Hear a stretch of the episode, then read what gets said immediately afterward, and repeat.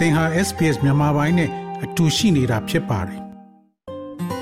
SBS မြန်မာပိုင်းကို အင်ကာနဲ့စနေနေ့ည10:00နာရီမှနားဆင်နိုင်တယ်လို့အွန်လိုင်းကနေလည်းအချိန်မီနားဆင်နိုင်ပါပြီ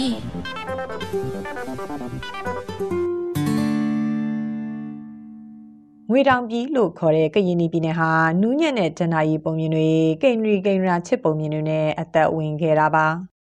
ဒေတာတွင်ဖွံ့ဖြိုးရေးအခြေအနေတွေကိုအုပ်မြင့်ချစအခြေအနေမှာပဲတကြော့ပြန်အာဏာသိမ်းမှုဟာကရင်ပြည်နယ်အတွက်တမိုင်းတွင်စရာတော်လှန်ရေးပုံရိပ်ဖြစ်ခဲ့ရပါတယ်။ငွေတောင်ဆယ်အနှံ့လဲတနက်တန်တွေညံခဲ့ရသလိုဖះเจ้าအပါဝင်တာသနိကအစာအုပ်လူနေအိမ်တွေစာတင်ကျောင်းတွေကအစာလက်နက်ကြီးတန်းခံရတာပါ။ စစ်ကောင်စီရဲ့လေးချောင်းထိုးစစ်ဆင်မှုတွေနေ့စဉ်နဲ့အမျှဘုံတန်တနက်တန်တွေကိုအန်တုနေရတဲ့ဒေသခံတွေမျိုးဆက်တစ်တွေဟာကရင်ပြည်နယ်ရဲ့စစ်မျက်နှာပြင်ကြားမှာအသက်ဆက်ခဲရပါတယ်။အာနာသိမ်းပြီး3လအကြာခုခံစစ်ကစားလို့လက်ရှိ2နှစ်ကျော်အတွင်းစစ်ကောင်စီနဲ့ဒေသခံကာကွယ်ရေးအဖွဲ့တွေကြားတိုက်ပွဲပေါင်းတထောင်ကျော်ဖြစ်ပွားခဲ့ပါတယ်။ လေကြောင်းတိုက်ခိုက်မှု400ကျော်ကိုရင်ဆိုင်ခဲ့ရသလိုအရက်သားတည်ဆုံမှု460ကျော်အထိရှိခဲ့တယ်လို့ KNDF ကထုတ်ပြန်ထားပါတယ်။လေးသိန်းနီးပါးသာရှိတဲ့ပြည်နယ်အတွင်းလူဦးရေထဝက်လာဟာဆိတ်ရှောင်းအခြေအနေဖြစ်ခဲ့ရတာပါ။ဒီအခြေအနေတွေကိုဖြေရှင်းနိုင်ဖို့ကရင်ပြည်နယ်ကြားကာလအုပ်ချုပ်ရေးကောင်စီ IEC ဆိုတာကိုအခုလအစောပိုင်းမှာဖွဲ့စည်းခဲ့ပါတယ်။ဒီလိုစုစည်းလာနိုင်တဲ့အခြေအနေပေါ်လွိုက်ကော်မြို့နယ်ဒေသခံစစ်ပေးရှောင်းတို့က တွေ့လို့ရှိရင်လည်း ဘယ်လိုပြောမလဲ လုံးဝ ဒီ စကားစားရဲ့ ခြေပြန်ချလာနိုင်ခြင်း မရှိအောင်ပေါ့နော် ဒီအစိုးရအနေနဲ့ လုပ်ပြနိုင်မယ်ဆိုရင်တော့ အတိုင်းထက်လုံးပေါ့နော် ကျွန်တော်တို့ကလည်း ဒါကိုပဲ အဓိကညောင်းနေတယ်ပေါ့နော် follow ဆိုတော့ ခဏခဏလည်း ဟိုပစ္စည်းရတယ် ဟို ပြန်လာလို့ရတဲ့ချိန်ဆို ပြန်လာတယ်တော့ကြာနေတိုက်ပွဲဖြစ်ပြီးဆို ပြန်တည်ရတယ်ဆိုတော့ ကျွန်တော်တို့ လုံးချလိုက်နေတယ်ကွာ ဒီတန်တရားတဲ့ကနေ မလွတ်မလွတ်ရနိုင်ဘူးပေါ့နော် နောက်ပါလေရတယ်ဆိုလည်း မလုပ်လို့မပြီးဘူးရောလုပ်ရမှာဆိုလည်းလည်းကြီးတွေကလည်း တောင်တလုံးစမ်းတလုံးစအဲ့လိုမျိုးဖြစ်နေကျွန်တော်ဆက်အေးလက်အေး အလုံးမလုံးနိုင်ဘူးနော်ဝိုင်းရင်တော့လည်း ကျွန်တော်တို့က ပူပန်နေရတယ်ပေါ့ ဆိုတော့ ဒီတိုက်ပွဲဖြစ်နေဆိုလည်း အဆုံးစုံဖြစ်ဖြစ်လိုက် နောက် ဒီလူနောက်နေနေတစ်ခုပေါ်ဆောင်မယ်ဆိုလည်းဒီတွေကို လုံးဝလုံခြုံမှုပေးနိုင်မယ်ကောက်ွယ်ဆောက်ရှောက်ပေးနိုင်မယ် ကောက်ွယ်ပေးနိုင်မယ်အစိုးရတစ်ခုဖြစ်လာမယ်ဆိုတော့အကောင့်ပေါ့နော်ဒုက္ခလည်းအများကြီးခံစားခဲ့ရပူပြီးဆိုတော့ကျွန်တော်တို့ဒါပဲအများကြီးညှော်လင့်ပါတယ်ကရင်ပြည်အမျိုးသားတွကြရေးပါတီ KNPP ကလည်းပြီးခဲ့တဲ့2001ခုနှစ်ကတည်းကကရင်ပြည်ကိုလွတ်လပ်ကျက်ဖက်ဒရယ်ပြည်ထောင်စုတစ်ခုတည်ထောင်နိုင်ရေးကြိုးပမ်းနေခဲ့တာပါ လက်ရှိမှာလည်း KNPP ရဲ့ကရင်နီတက်မတော်ကရင်နီအာမီကစစ်အာဏာရှင်အမြင့်ပြတ်ရေးကြိုးပမ်းနေကြသလို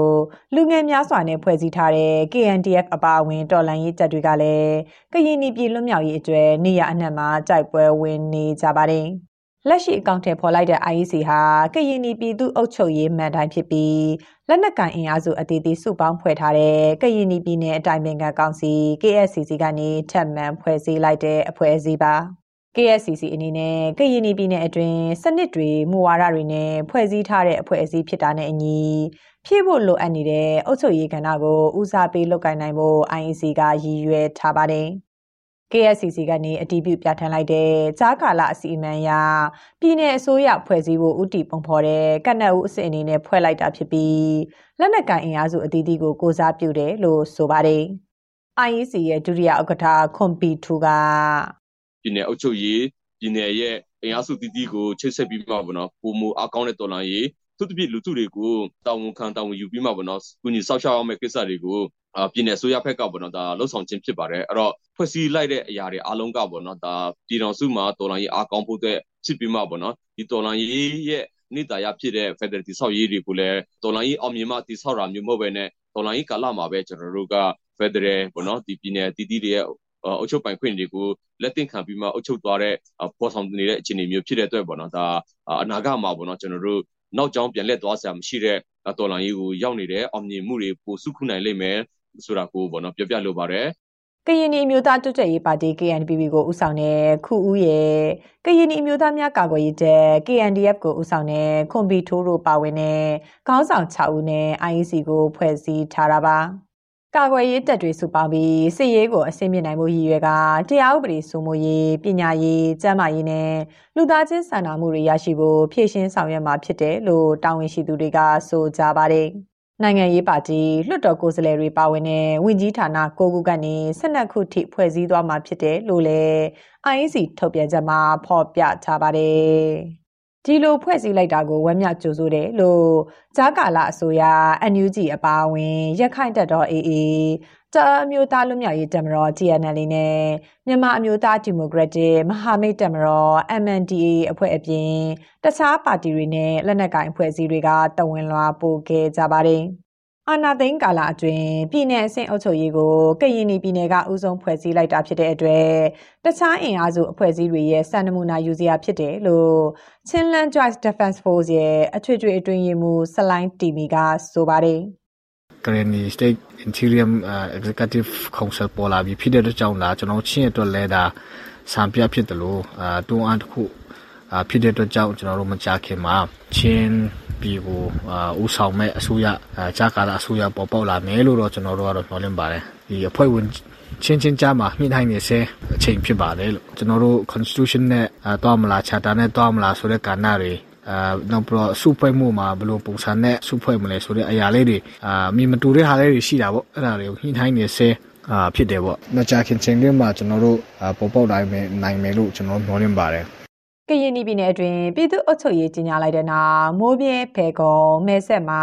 နှစ်ဖက်တိုက်ပွဲတွေပြင်းထန်လာပါတယ်။ပြီးခဲ့တဲ့ဇွန်လ12ရက်ကမိုးပြဲမြို့နယ်မှာတိုက်ပွဲတွေဖြစ်ပွားခဲ့ပြီးဒေသခံတွေရဲ့အလောင်း28လောင်းကျော်ကိုတွေ့ရှိခဲ့တယ်လို့ကာကွယ်ရေးတပ်တွေကဆိုပါတယ်။ဒီရက်ပိုင်းအတွင်းကရင်ပြည်နယ်မဲဆက်မြို့အတွင်းမှာဖြစ်ပွားတဲ့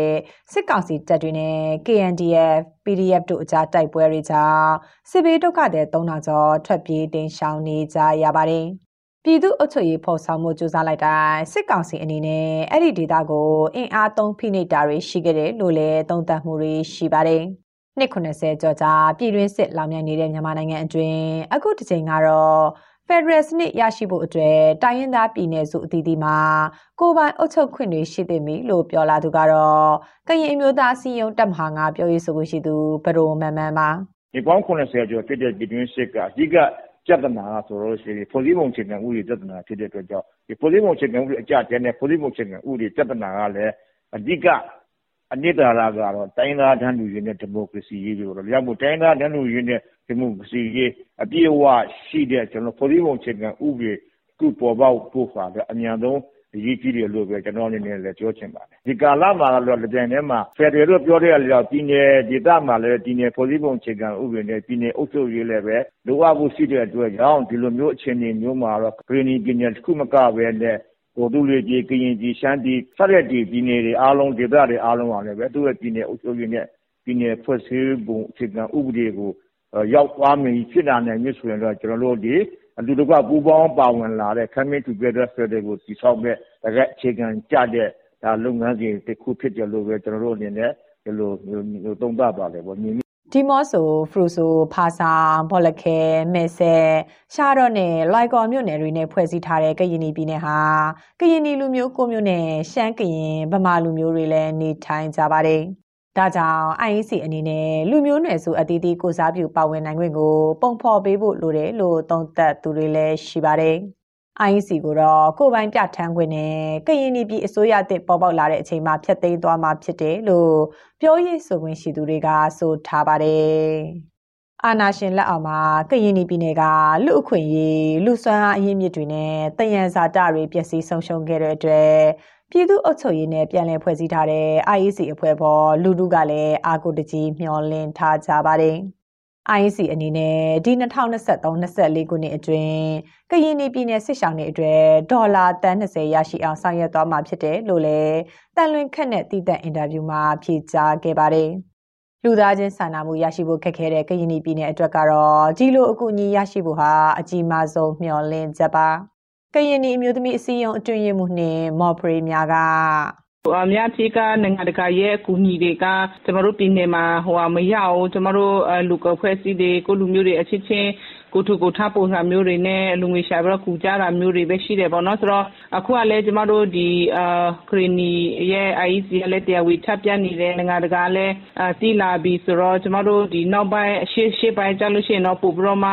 ဒီလူသားချင်းစာနာထောက်ထားမှုအကူအညီတွေပိုစနစ်ကြမယ်လို့ယုံကြည်နေပေါ့နော်ဒီ IEC အောက်ကနေ humanitarian committee တွေကဟိုပို့ပြီးတော့မှမြို့နယ်အလိုက်ပေါ့နော်မြို့နယ်အလိုက်ရဲ့ဆီရှောင်းဟိုစခန်းအရေးအတွက်တွေဆီရှောင်းစခန်းလူဦးရေတွေကတဆဆေးပေါ့နော်ဆိုတိကျကျလုပ်နိုင်မယ်ဆိုလို့ရှိရင်တော့နောက်ပိုင်းဟိုနိုင်ငံတကာရဲ့အကူအညီ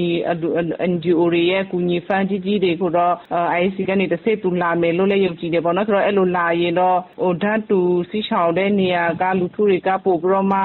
အကူအညီတွေရမယ်ကျမရေးရဲ့နောက်ဆက်တွဲဆိုးကျိုးတွေပညာရေးရဲ့နောက်ဆက်တွဲဆိုးကျိုးရေးဆက်နေရတဲ့အခက်အခဲတွေကိုလည်း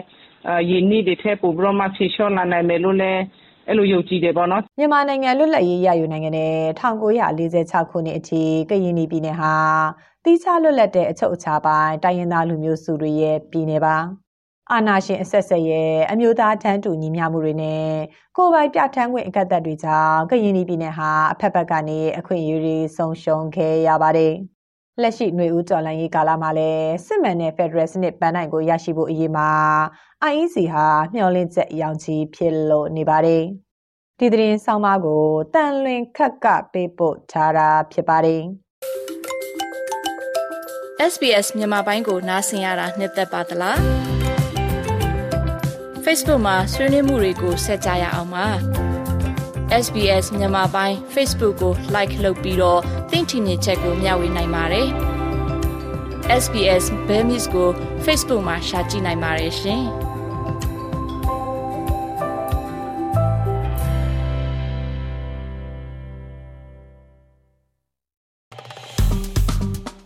SPS မြန်မာပိုင်းကို Facebook ပေါ်မှာ like ရှာပြီး like မျှဝေမှတ်ချက်ပေးပါ